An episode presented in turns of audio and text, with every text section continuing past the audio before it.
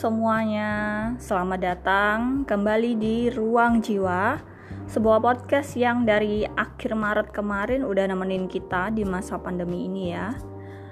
Dan keberadaan podcast ini juga sekaligus jadi bukti bahwa belajar firman Tuhan tuh gak sulit guys. Asal kita mau, hari ini banyak banget media yang udah tersedia di depan jempol kita. Tinggal klik jadi deh Oke ya, biar kita nggak berlama-lama lagi nih. Kalau di episode lalu kita udah bahas salah satu kata-kata Paulus, yaitu perempuan nggak boleh ngajar.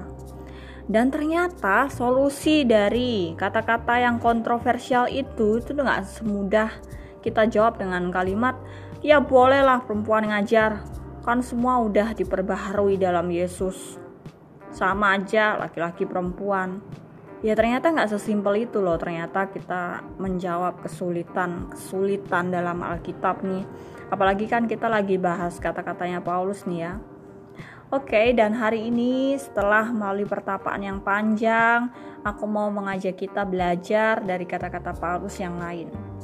Dari Roma 9 ayat 13 sampai 15 fokus kita ada di kalimat awalnya aja sih sebenarnya ya. Kalimat awalnya kan bilang aku mengasihi Yakub tetapi membenci Esau. Ulang ya. Aku mengasihi Yakub tetapi membenci Esau. Kalimat lanjutannya kayak gini. Jika demikian, apakah yang hendak kita katakan? Apakah Allah tidak adil? Mustahil.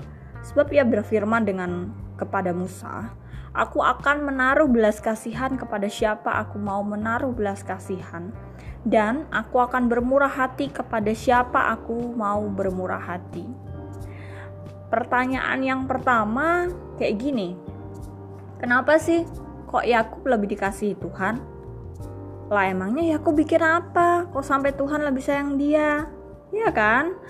Terus jadinya kan kasihan si Esau dan kita akhirnya jadi baper mikirin nasibnya Esau tapi pertanyaan-pertanyaan seperti ini sebenarnya ya kita nggak pantas sih tanyakan ya. Dan Paulus juga sebenarnya udah mengantisipasi pertanyaan kayak kita tadi itu. Dan ya bukan hanya orang di zaman itu yang uh, mengeluarkan pertanyaan seperti itu tapi juga kita di zaman ini. Bukan hanya kita yang bertanya-tanya, tapi juga mereka yang mendengar atau membaca tulisan Paulus di zaman itu. Ya, pertanyaan kayak gitu emang muncul dari kemanusiaan kita, ya, karena kita suka ngukur dan kritik Tuhan berdasarkan cara pandang kita aja. Ini sebenarnya bisa disebut kesombongan juga, loh, karena kan kita pada dasarnya nggak tahu pikiran Tuhan. Terus juga apa istilahnya ya?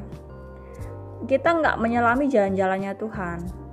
Kita cuma ngelihat sepenggal-sepenggal aja oh kejadian ini kita lihat sepenggal-sepenggal. Sementara tuh ngelihatnya utuh keseluruhan. Nah kita nggak bisa kayak gitu. Tapi kita sukanya protes. Meskipun kita cuma ngelihat sepenggal-sepenggal doang. Nah antisipasi Paulus itu ada dalam ayat 20 kalau ayat 20 kita baca dalam bahasa kita hari ini, aku coba kayak paraphrase gitu ya. Kurang lebih dia akan ngomong kayak gini ayat 20. Kamu tuh siapa sih? Manusia kok sukanya bantah-bantah Tuhan? Bisa nggak yang dibentuk tuh ngomong sama yang nggak bentuk? Eh kok aku dibentuk kayak gini sih? Nggak bisa kan? Nah kurang lebih kayak gitu kalau kita bahasain hari ini. Itu kayak sejenis pertanyaan retorik gitu ya Oke, kita akan coba selesaikan rasa penasaran ini. Ada beberapa hal. Yang pertama, kita perlu memahaminya kayak gini. Jadi sebenarnya semua yang terjadi, termasuk yang kita baca tadi, kenapa Allah lebih mengasihi Yakub daripada Esau, itu semuanya satu paket rencana Tuhan buat manusia.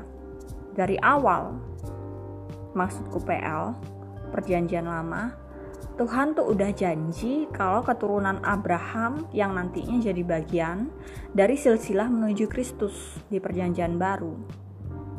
Ternyata Ishak yang dipilih, bukan Ismail. Terus keturunan Ishak itu juga dipilih, yaitu Yakub dan bukan Esau. Nah, pilihan Tuhan ini sama sekali, sama sekali nggak ada hubungannya sama kebaikan manusia atau statusnya atau prestasinya itu nggak ada. Ishak juga aku yakin nggak lebih baik dari Ismail. Begitu juga Yakub, dia nggak lebih baik dari Esau. Jadi sebenarnya mereka nggak lebih pantas dibandingkan yang lain. Bahkan kita tahu Yakub tuh kan suka nipu ya. Nah, penipu macam apa sebenarnya yang pantas dapat anugerah Allah? Oke, jadi clear ya. Si Yakub itu dipilih murni karena anugerah Tuhan aja, bukan karena jasa. Terus yang kedua yang perlu kita lihat itu bahasa. Ini penting banget. Ternyata dalam bahasa aslinya sebenarnya terjemahan yang tadi kita baca ayatnya aku mengasihi Yakub tetapi membenci Esau dalam bahasa aslinya bisa terjemahin kayak gini aku lebih mengasihi Yakub tetapi kurang mengasihi Esau bisa lihat bedanya ya aku lebih mengasihi Yakub tetapi kurang mengasihi Esau. Jadi bukan benci. Intinya semua hal Tuhan pakai untuk melaksanakan misi terbesarnya, dalam hal ini kita tahu Tuhan mau melaksanakan misi penebusannya. Di kayu salib yang harus dilakukan oleh Yesus Kristus keturunan Abraham. Tuhan pilih-pilih orang untuk melaksanakan rencananya bukan karena dia nggak adil, tapi karena dia sempurna. Dia tahu segala sesuatu dengan sempurna, nggak kayak kita hari ini yang melihat sesuatu sepenggal-sepenggal doang.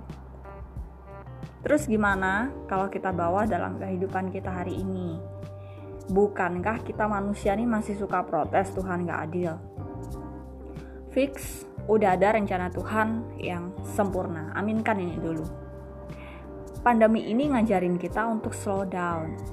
Gak semua rencana hidup kita bisa semulus yang kita rencanain.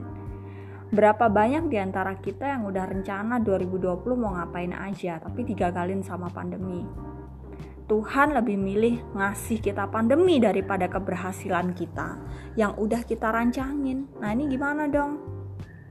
Ya aku nggak tahu juga sih ya. Ini kan belum berakhir. Kita semakin sadar aja bahwa kita nggak bisa mastiin masa depan kita. Kita nggak bisa memilih semau kita. Nggak kayak Tuhan memilih sesuatu melihatnya dalam kekekalan.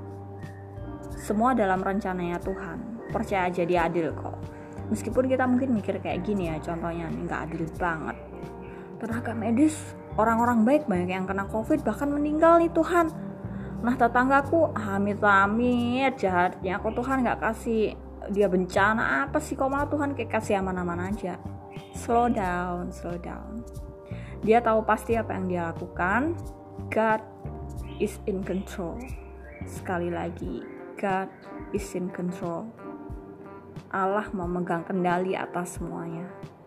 Kiranya bisa jadi berkat buat kita ya guys. God bless you all.